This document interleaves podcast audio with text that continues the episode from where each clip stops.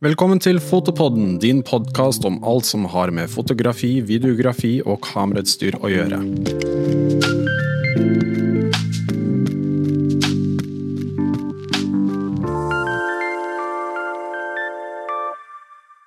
Dagens gjest er en talentfull og ung fotograf som har levert imponerende arbeid innenfor bl.a. reklamefoto, portrettfoto og produktfotografering. Siden han ble ferdig på Bilde Nordic i 2014, har han klart å etablere seg i en bransje som ofte sies å være en av de vanskeligste bransjene å etablere seg i. Hvordan han klarte det, hvilke planer han har for fremtiden og mye mer skal vi snakke om i dag. Velkommen, Marius Viken. Tusen takk. Hvordan går det? Går det bra? Det går fint. Så herlig. Eh, arbeidsledig, som de sier. Eller ferie på folkemål. Ja, ferie på folkemunne. Jeg begynner med et spørsmål som jeg stiller egentlig alle gjestene som kommer inn. Husker du ditt første kamera? Ja. Mitt første kamera var Canon EOS 450D. Og var det sånn at med en gang du plukket opp et kamera, så var du frelst, som man sier? Eller var det en Nei. prosess hvor Det er egentlig Hvorfor jeg havna i foto, er tilfeldigheter. Altså, livet skjer. Du vet jo aldri hva hvor, hvor, hvor du ender. Men når jeg var 13, så var det rockestjerne jeg skulle bli. Når jeg var 16, så var det elektriker. Så jeg har egentlig bakgrunnen som elektriker.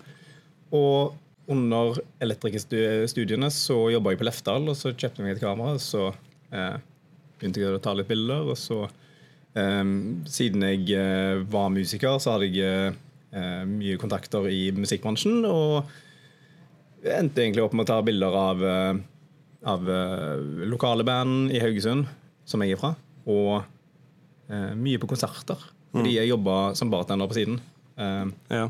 og begynte å ta masse bilder på konsertene der, og fikk eh, spesielt god tilgang til Carmageddon, som er en sånn stor metal-festival. Og eh, begynte egentlig der.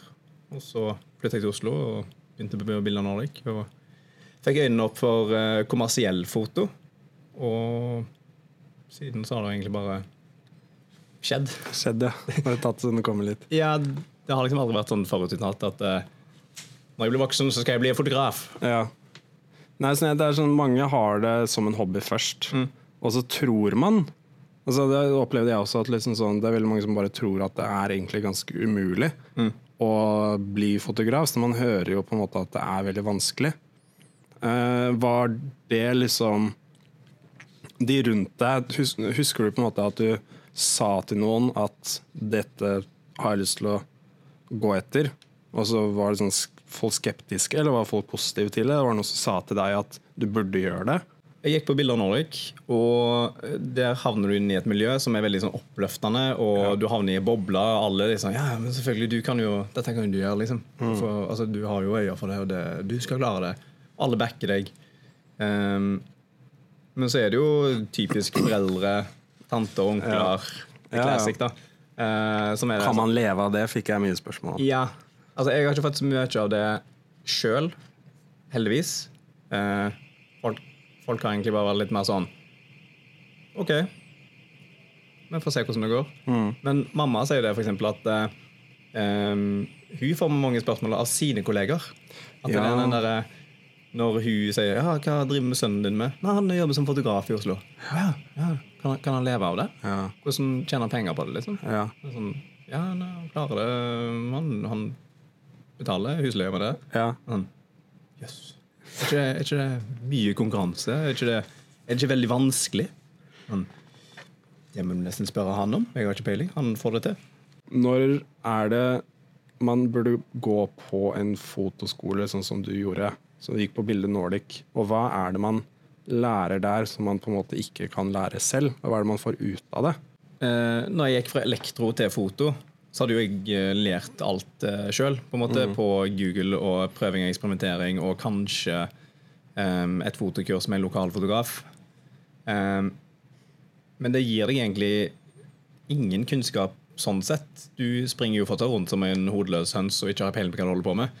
Eh, Så når jeg begynte på skolen eh, Nå begynner det å bli såpass vagt minne om hva jeg lærte, men i all hovedsak så er det jo Du lærer alt det grunnleggende. Ja. Du lærer eh, bilde, eh, bilderetorikk, du lærer eh, storytelling, du lærer eh, hva et godt bilde er, hva et dårlig bilde er. Du lærer alt fra lys, kamera eh, og generell teknikk. Eh, vi hadde en Jeg husker ikke hvor mange leksjoner det var på, men vi hadde egne leksjoner bare på refleksjoner. Hvordan du jobber med refleksjoner på forskjellige produkter. Eh, spesielt en, en legendarisk oppgave som kalles chip, eh, potetgullposen. Som er at du skal ta bilde av en potetgullpose. Og det er Det er ganske tricky. er det sånn, ja, det å ta bilder av en, Har noen sett på en potetgullpose? Altså, det er rynker opp og ned i mente, og så skal du liksom ha den bein, og så skal du ha en fin highlight på venstre side, og så skal O matche på høyre side, Ja. og så skal det se ut og så skal du ikke ha noe av de der rynkene der. Ja. Ehm, så det å lære seg hvordan du eh, jobber med det, men så skal du samtidig ja, at du liksom Du skal ikke ha fingrene dine med, så du må liksom kanskje jobbe med flere eksponeringer. Du må eh, kanskje finne en perfekt pose, og så har liksom sånn hvor mye luft i forhold til mengde potetgull oppi, og så er det altså, generell lyssetningen av det òg. Altså, hvis du henger en potetgullpose opp ned, så får du liksom ekstremt mye da blir den veldig båndtung, f.eks. Det blir bare luft i toppen, og så blir det liksom som potet, og så får du sånn saccosekk-lignende greier. Mens eh, hvis du legger den flatt, Ja. så ligger den jo fint, og du har liksom muligheten til å jobbe med den. Men hvordan lyssetter du flate ting? og når du står der, er liksom 21 år gammel, eh, dette er tredje leksjonen, du vet så vidt hvordan kameraet ditt funker, du har egentlig bare sprunget rundt og jobba med naturlig lys, og så skal du plutselig ta bilde av en potetgullpose som Ja. ligger, og bare OK. Ja, ja. Ja. Så du, du, du Det er jo mye av det generelle eh, grunnlaget du legges der, da. da. Eh, som du Som mest sannsynlig har skjedd med meg, at det bare har lagt seg i, i underbevisstheten. At jeg ikke tenker over det nå. Samtidig som du har dette her miljøet som du snakker om, at du eh, du kom eh, inn i en klasse, og så har du gjerne har, Det var to klasser på, min, eh, på mitt kull. Og da var det A-klassen og B-klassen, og de snakker sammen. Og så da blir jo en god del gjeng der. Og så har du liksom på tvers av, eh, av årskullene. Og så hadde vi et felles datarom hvor vi satt og jobba på kveldstid ofte. Eh, hvor liksom du satt og møtte folk. Så du møter jo folk konstant hele tida. Og dette er folk per, dag, per i dag som jeg fortsatt har kontakt med til en viss grad. Eh, og eh, det er ikke alle som nødvendigvis jobber med foto i dag, men mange av de jobber med fotorelaterte ting. Ja. Og eh, det er flere av de som på en måte som har gitt meg jobb.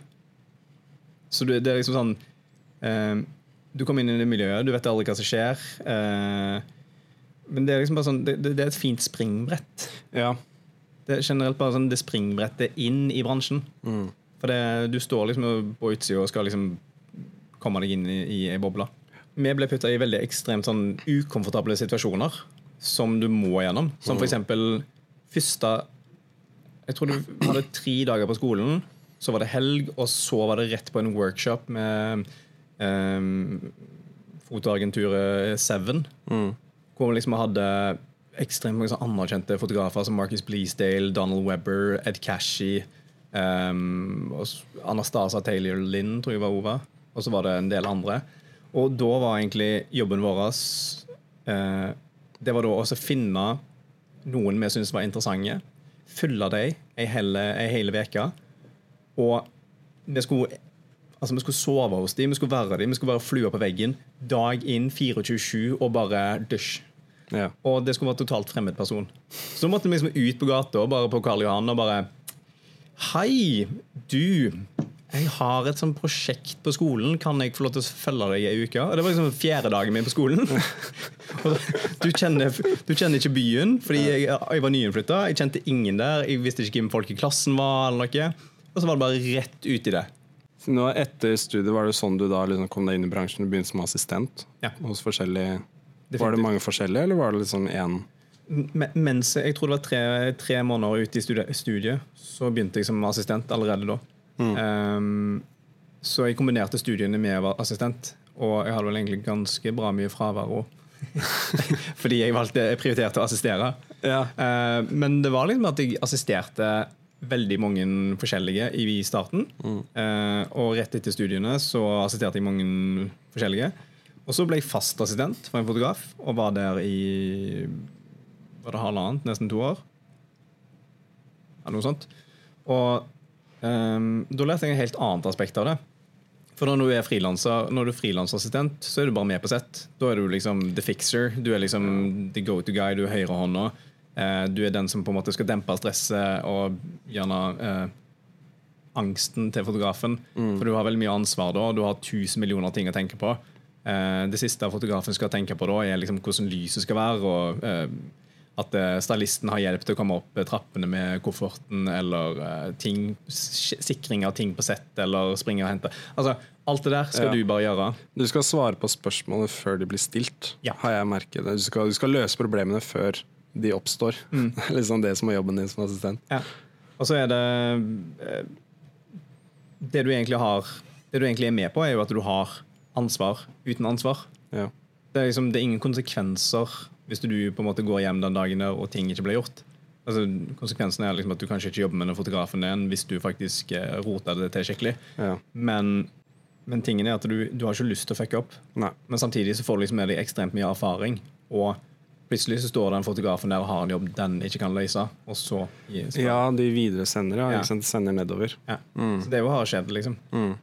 Så, men assistering er liksom tror jeg vil si at det er the way to go.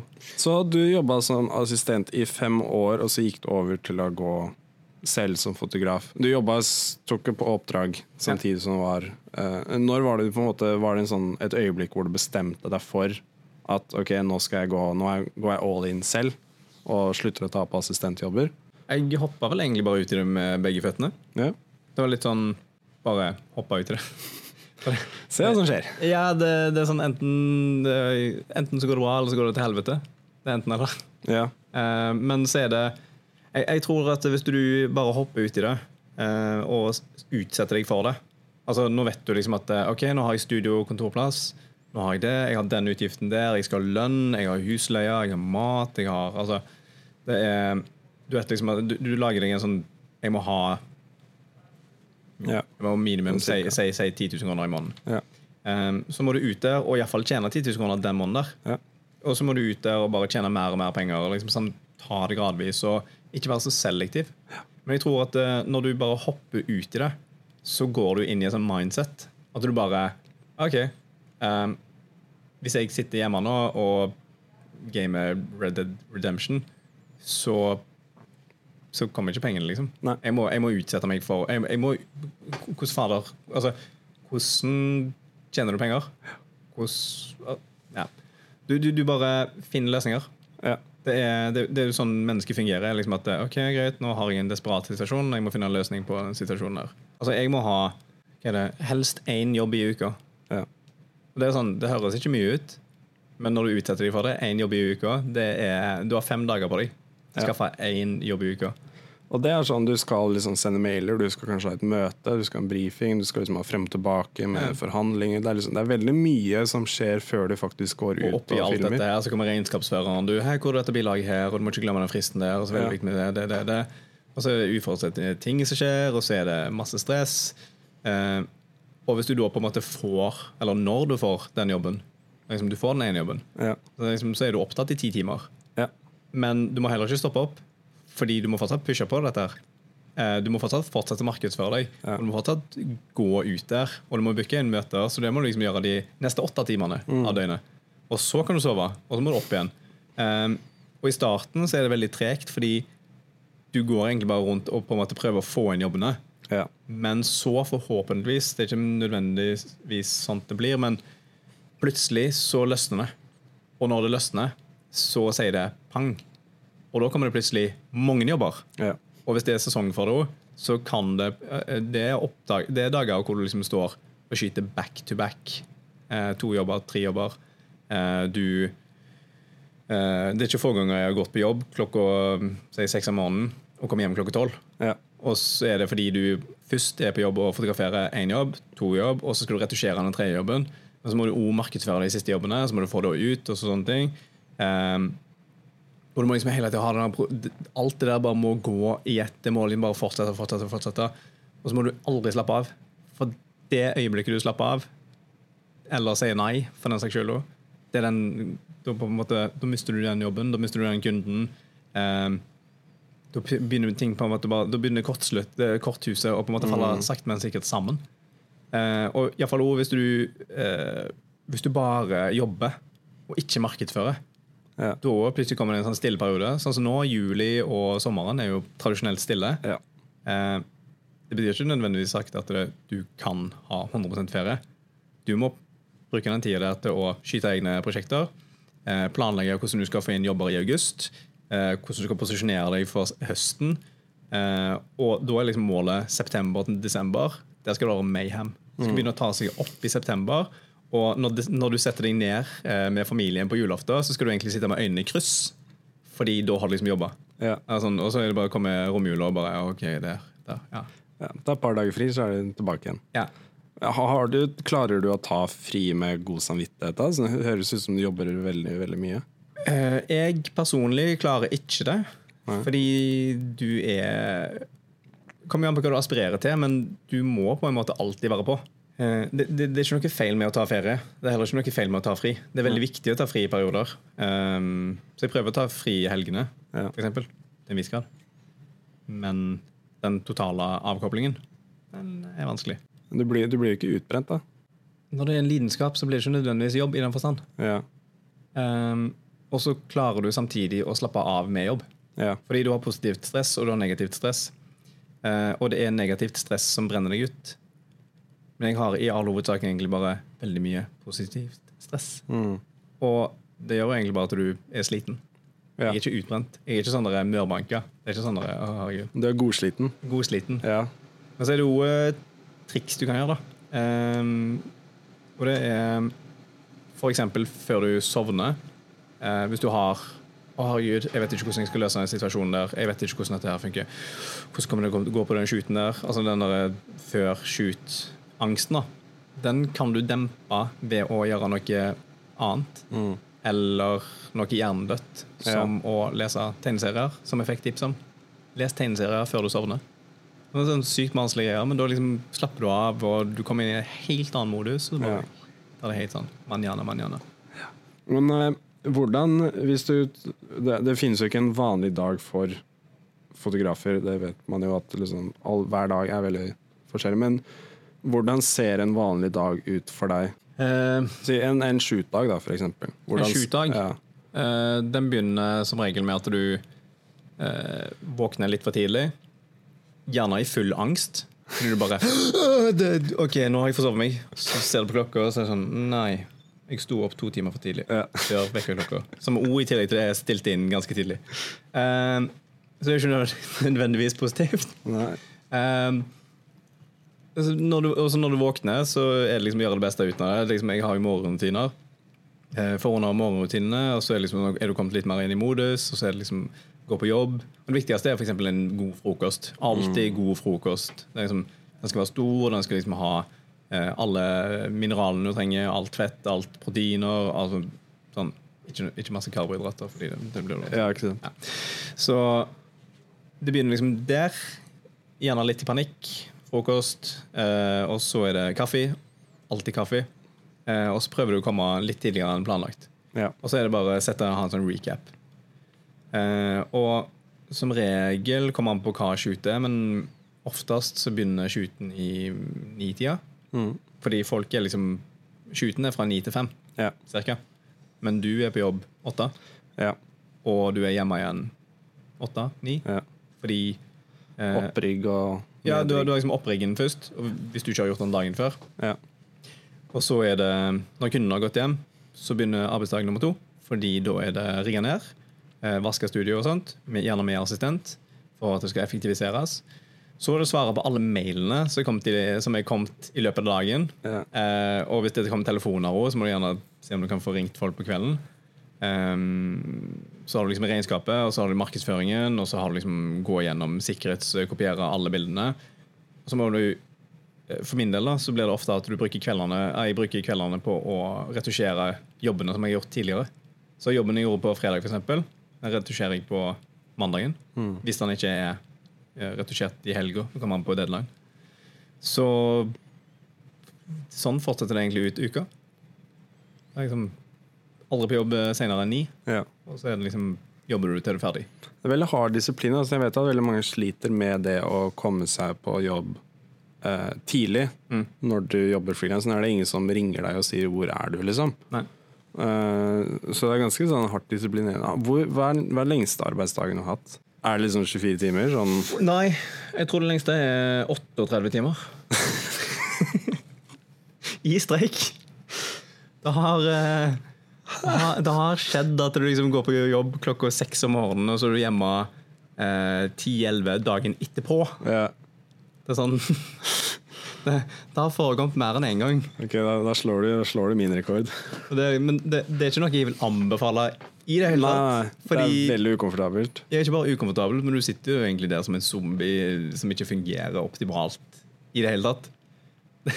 For du sitter bare «Øh, Jeg vil bare hjem og sove, og så drikker du mer kaffe, eller prøver du pushup, og så går du på en liten tur, og så kommer du tilbake, og så er det sånn Å, det funker ikke. Men så er det liksom heldigvis eh, Motivatoren er jo frykt. Ja. Det er den der frykten for ikke å rekke deadline. Og det er liksom regel nummer én. Alltid lever. Alltid rekk deadline. Ja, deadline er hellig. ja, riktig. Når, man, når en gjør sånt, så blir det jo til at du blir en person som går an til å stole på. Ja. Iallfall hvis du skal ut der og skape deg et navn og et rykte, og du skal liksom lage deg et levebrød av det, så er det et tillitsforhold. Alt baseres på tillit. Kan du levere? Er du til å stole på? Kan vi stole på at du leverer? Eh, og mitt overordna mål er egentlig at eh, alltid, hvis du folk kommer til meg, så skal det løses, og det skal løses innen den tidsfristen der, og det skal alltid leveres, koste hva pokker det vil koste, liksom. Men jeg tror òg at det er eh, Når vi er så unge som vi er, altså i slutten av 20-årene, Ja. Så er liksom det lettere enn når du er i slutten av 30-årene. Ja. Og målet er liksom å utnytte Eller det jeg holder på med nå, er å utnytte den energien der etter beste evne, uten å brenne ut. ja, For det, ikke sant? det er jo balanse der òg. Teste litt. Ja. Se hvor langt jeg er villig til å gå. Ja, og da, da er det veldig fint liksom, Per nå så er det lenge siden jeg jobba 38 timer. Mm. Det begynner å bli veldig lenge siden. Men jeg vet at jeg kan det. Men jeg vet òg at det ikke er sunt. Ja. Men, Men, du vet også hva du kan gjøre nå for å unngå det, Ja. fordi du har den erfaringen. Ja. Og det er jeg også tenker er veldig viktig da, etter hvert. Sånn det er lenge siden jeg også på en måte jobbet veldig lange dager, Mm. men jeg fant, fant ut hvordan jeg kunne unngå det, f.eks. med redigering. Ja. Okay, hvordan kan jeg redigere eff mer effektivt og bli ferdig, sånn at jeg kan dra hjem og spise middag, Mm. istedenfor å liksom bare spise mat på kontoret, middag på kontoret Ja. hele tiden. Og hvordan kan jeg også liksom det er også det å handle om å si nei til sånne prosjekter hvor du vet at sånne situasjoner kommer til å oppstå på grunn av at si prosjektlederen vil spare penger og ikke ansetter en ekstra person, og du er nødt til å gjøre to jobber egentlig. Og det å kunne forutse at det kommer til å skje, er også en veldig viktig ting. Absolutt. Du lærer grensesetningen, du lærer hva du er villig til å gjøre. Du lærer liksom hva, eh, hva du tåler. Og ikke minst det som du sier, at du liksom sånn OK, hva, hva gjorde jeg nå? Hvordan havna jeg i denne situasjonen her? At du liksom alltid har en debrief etter hver jobb. Ja. Sånn, OK, jeg jobba 38 timer nå. Hvorfor gjorde jeg det? Var det fordi jeg var ineffektiv? Er det noe jeg kunne gjort annerledes? Kan jeg eh, Kunne, kunne jeg ha um, ja, altså liksom Kunne jeg ha gjort noe annerledes i, eh, i den kreative møtet? At liksom sånn, Kunne jeg prosjektert det på en annen måte? Og liksom hele hele tida gjøre sånne ting. Det, Ja. Var det noen varsellamper her som jeg kunne sitte i for forkant? Og det er jo sånn Nå spør jeg alltid, f.eks. i hvert eneste møte jeg er, så er det sånn OK, eh, vi skal eh, gjennomføre dette her på tirsdag. Hva tid deadline? Ja. Eh, Kan vi få bildene på fredag? Og da må jeg liksom inn i kalenderen se, for eksempel, og så må jeg se, vurdere det ut ifra kompleksiteten på jobben. Og så kan jeg si vet ehm, jeg tror ikke det vil gå. Og det må være så brutalt ærlig å si liksom at det, det går ja, det er viktig. Enten si 'jeg tror ikke det går', eller si 'det går ikke'. Eller hvis du vil være helt totalt idiot, så kan du si 'ja, det går'. Og så må du bare rydde unna alt. Ja. Bare Men det verste er å si ja, og så får du det ikke til. Ja. Det er det verste du kan gjøre. Det, det beste du kan gjøre, er å være ærlig, som du sier, Mm. og snakke av erfaring og si erfaringsmessig det går ikke, og her er grunnen. Mm. Men, du, og, ja. Men å si ja, det går, og så sender de mail på torsdag kveld og si hei, jeg får ikke levert i morgen, og de er avhengig av at du gjør det fordi du har sagt ja, Mm. Det er veldig uprofesjonelt. Så det må man unngå så, så mye som mulig, da. Og så er jo ofte, i, i, mitt tilfelle, eh, som jobber med bilder, så, finner, så har jeg lært meg til at det finnes en måte, og på en måte en, en hack, som er veldig enkel. Eh, som basert på dette her, er liksom at det, når du går hjem fra opptak, så har du jo bildene. Eh, og veldig ofte så er liksom bildene forhåndsutvalgt. Det du kan gjøre da, er å sende bildene til den grafiske designeren eller eh, de som på en måte sitter og jobber med det. Så kan de jobbe med det i bakgrunnen. Mm. Og så har du liksom muligheten, fordi da slipper de å vente på at bildene skal leveres ferdig til deg Ja. for å kunne begynne å jobbe. Da liksom sitter folk og jobber samtidig eh, mens de venter på de ferdigredigerte. Og så kan liksom i InDesign så kan de bare høyreklikke på det og bare replace image with ja, det ferdigredigerte. Ja. Og da er det ofte at eh, på den måten der så kan du kjøpe tid. Ja. Fordi eh, når du er i kreative møter, og sånt, så hvis du kommer i den situasjonen der, og prosjektleder spør kan du ha bildene ferdig til fredag, så sier du jeg beklager, jeg tror ikke det går, men kan jeg levere placeholder-bilder som dere kan jobbe med, og heller ta dem i møte? Når skal dere møte med kunden? Sånn. Ja, nei, altså, Vi ville likt å ha bildene på fredag, men vi skal i møte med kunden klokka to på mandag. Da kan du liksom si ok, men da har dere bildene klokka tolv på mandag. For da har du muligheten til å bruke helga i tillegg Ja. Til å levere. Da har du kjøpt deg mer tid. Ja. Og da, liksom, da blir alle happy. Da, har liksom, da får grafisk designer muligheten til å jobbe med bildene i bakgrunnen. Eh, du får muligheten til å måte bruke litt mer tid på retusjeringen og på en måte bli fornøyd. Eh, og du har liksom muligheten til å levere alt dette her til klokka tolv. Og så er det bare for grafisk designer til å eh, erstatte bildene. Så går han inn i møtet. Alle er happy. Ja. Og det er jo sånn som bare kommer med erfaringen, fordi du har på en måte vært gjennom det helsike der med å bare si ah, Jeg burde ikke sagt ja til det, men nå blir det 38 timer. ja. Det er den typiske greia at man lærer av feilene sine. Ja. Men det er veldig viktig å lære av feilene sine og gjøre Ja. feilen én gang, og så du liksom, har du fått det ut av systemet. da. Et råd til eh, unge der ute som ønsker å jobbe som fotograf. Har du ett konkret råd til noen? Finn på noe annet. Eh, ja, det, det, det er litt sånn sannhet i det. Fordi hvis du Du skal virkelig ville. Det er ikke noe ni til fem-jobb. Nei. Det er en livsstil. Ja, Du må være forberedt på at det er en livsstil. Og det må egentlig være en livsstil fra før av. Ja. Det må liksom være noe du ikke klarer å unngå å gjøre. Ja. Da kan du kanskje lykkes med det. Men det må liksom, lidenskapen må være der før noe annet. Men vi skal gi litt mer konkret, så vil det kanskje være um, Følg nysgjerrigheten din. Aldri slutt å være nysgjerrig. Vær fem, aldri slutt å være en femåring. Det er liksom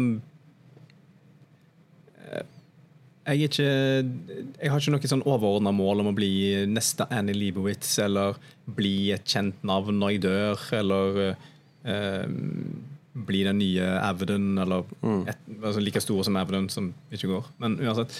Eh, det er egentlig bare ha det fett. Og hvis du skal ha det gøy, så må du egentlig bare felle nysgjerrigheten. Det er liksom det er den som har tatt meg med her. Det er ikke nødvendigvis det at jeg tar så ekstremt gode bilder. Det er bare et resultat av det jeg holder på med. Men jeg driver jo med Arduino, for eksempel. Det har jeg begynt med nå fordi jeg er nysgjerrig på hvordan det funker, og hvordan jeg kan ta det med meg inn i min egen prosess. Um, og jeg er alltid nysgjerrig på de menneskene jeg møter. Når jeg fotograferer folk, så er det alltid sånn ja, men hvem er du egentlig? Legg ned kameraet, sett meg ned og snakke med dem. Det er liksom bare sånn, Du blir kjent med dem. Og så er det um, altså bare sånn Generelt bare være nysgjerrig på hvordan ting funker. Ja, helt enig. Når burde man jobbe gratis? Jeg jobber gratis så lenge det ikke er for noen som på en måte har en stor kommersiell vinning på det. Men de jobber òg gratis når det på en måte er noe fett, noe gøy. Så kanskje jobbe gratis hvis du på en måte får noe ut av det sjøl. Ja. Hvordan ser det perfekte kameraet ut for deg? er det Hva er det du bruker til vanlig? Jeg Kan også bruke en 5DS R. Ja. Og så bruker jeg innimellom en Mark 3. ja. Så hovedsakelig 5D. Um, 5D-ene holder fortsatt. Altså. Ja, de funker kjempefint. Altså, Det er noe med dem. jeg, jeg har Altså, når jeg var veldig opptatt av kamera, det var når jeg var student. Ja. Og nå når jeg jobber, så er jeg mer opptatt av det som skjer foran kamera. ja. Uh, så jeg er ikke så veldig lenger tech-nerd på altså, Jeg fikk ikke med meg at det kom et speilløst kamera fra Canon engang. Det? det var noen som bare ah, 'Har du sett det nye speilløse kameraet til Canon?' Så sånn, Hæ, tid kom det? Ah, det kom for fire måneder siden. Sånn, Ja, jeg, jeg ja. Ja. Og Samme som Phase One kom med 150 megapixel-kamera. Det var sånn OK, gud, nå, nå har jeg datt av. Eh, så Men et perfekt, perfekt kamera vil kanskje være en 5D. Ja. Jeg, synes, jeg, jeg klarer ikke små kamera, Fordi hvis det er for lite, så føler jeg som at det, det, det, det, jeg skal knuse det, eller så er det bare noe med feeling. Jeg har blitt veldig vant til 5D-en, hvordan den føles i hånda. Eh, ting blir jo bare lettere og lettere og lettere, og jeg syns det er feil, fordi jeg syns kvalitet veier. Eh, og da syns jeg at det er digg med et kamera som veier fire kilo. Det er sånn mm, Bygd som en tanks, det funker som en tanks. Det er bare yes. Men det jeg savner på kameraet mitt, det er sjaktsøker. Ja, ja, ikke sant? Det er liksom eh, På Face One, de nyeste karmene, så har du sjaktsøker. Og før i tida så hadde du sjaktsøker. Og det, det er bare noe eget med den feelingen. Sånn som jeg og deg nå, så når vi sitter og snakker, så sitter vi og ser hverandre i øynene og har et veldig sånn uh, bromance-øyeblikk. Eh, og hvis du da tar opp et kamera Og det blir akkurat samme hvis du fotograferer folk. Hvis du tar opp et kamera og tar bilder av folk, så har du plutselig noe foran deg som, liksom, Ja. som gjør at du på en måte blir distantert. Du klarer Ja. ikke å følge så mye med på eh, subjektet ditt. Så hvis jeg hadde hatt en sjaktsøker, og jeg står ofte som ofte så står jeg på en måte bøyer meg ned i knærne, sånn at jeg kommer i mellomgulvsposisjon når jeg tar bilder av mennesker. eh, Forutsatt at jeg ikke kommer for langt opp i nesen deres. Eh, Men hvis du har en sjaktsøker, så har du muligheten til å ta bilder uten å på en måte bryte det som skjer mellom dere to. Ikke sant? For det er jo faktisk bonding, det er jo faktisk et forhold. Du skal eh, For veldig mange så er det veldig ukomfortabelt å bli tatt bilder av. Ja. Og din jobb er da på en måte å roe ned vedkommende, og samtidig få de til å gjøre den jobben de skal. Avhengig av om du fotograferer modell og skuespiller og eh, en direktør eller et eller annet, selvfølgelig. Men jeg har liksom tro på at det er sjakktøker. Da fokuserer du mindre på kamera. Eh, personen du fotograferer, fokuserer mindre på kamera. Du har muligheten til å på en ha full kontakt samtidig som du tar bildene. Så hører dere Cannon. Se på dere. Skaff en sjakksøker på 5D. Ja, jeg, jeg, skjønner, jeg skjønner- skjønner ikke hvor, hvor vanskelig kan det være. Ja, bare gjør det, Det, liksom. det er sånn, Bare gjør det. du har jo, altså, du, du har jo eh, På kamera så har du liksom det der eh, Speilene. Ja. Ja, du har speilene som går opp. Hvor vanskelig er det bare å få den til å flippe opp? Face One klarte det. Hvorfor, hvorfor, altså, jeg betaler gladelig flere tusen kroner. Jeg. Ja. Altså, hvis jeg må betale 10 000 kroner ekstra for det, jeg hadde sikkert gjort det. Jeg hadde, jeg hadde gjort det. Folk betaler 10 000 kroner ekstra for et gult Nikon-kamera. Jeg betaler 10 000 kroner ekstra for uh, sjakktøker. Hva er det som er det? Mike, var det ikke det? Med gult Nikon-kamera. Ja, det er flere der ute sånne. Og Nikon kom jo ut med vintage eh, D800, tror jeg det var. Ja. Det var folk betalte gladelig 5000 kroner ekstra for det. Og det- Men hvor er sjakksøkeren? Hvor er sjakksøkeren? Vi. Vi trenger en sjakksøker. Veldig bra. Vi skal over på eh, ukens anbefalinger før vi avslutter.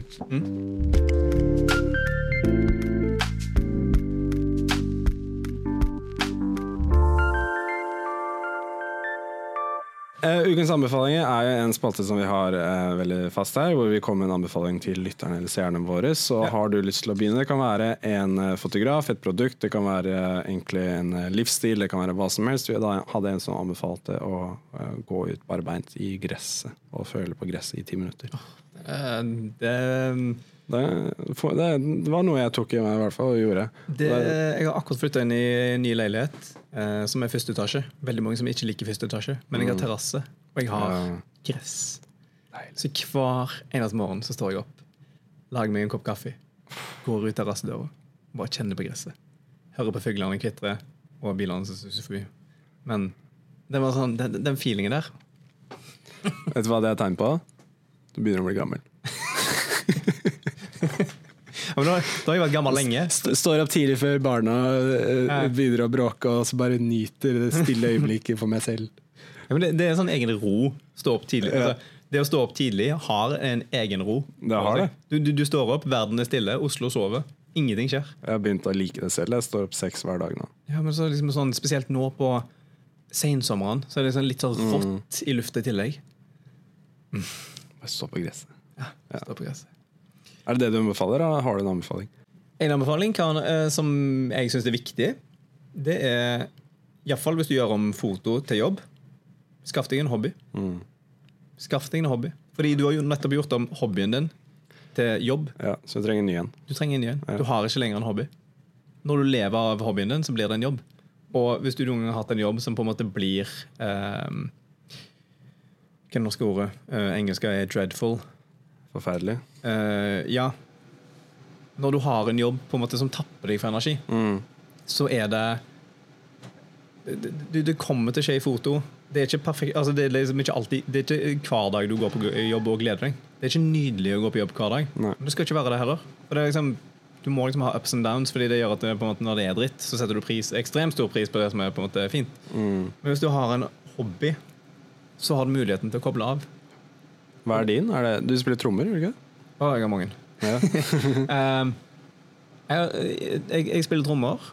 Jeg har uh, spilt trommer i 15 år, så det er liksom noe som jeg ikke har gitt slipp på. heldigvis. Jeg har liksom alltid Og da har liksom, du har den muligheten til å trekke deg tilbake. Du har muligheten til å liksom sånn Safe, safe place, da. Mm. Uh, og gjøre noe annet. For å gjøre noe annet, lære deg noe nytt. Og eh, nyeste hobbyen er piano. Jeg holder på å lære meg piano.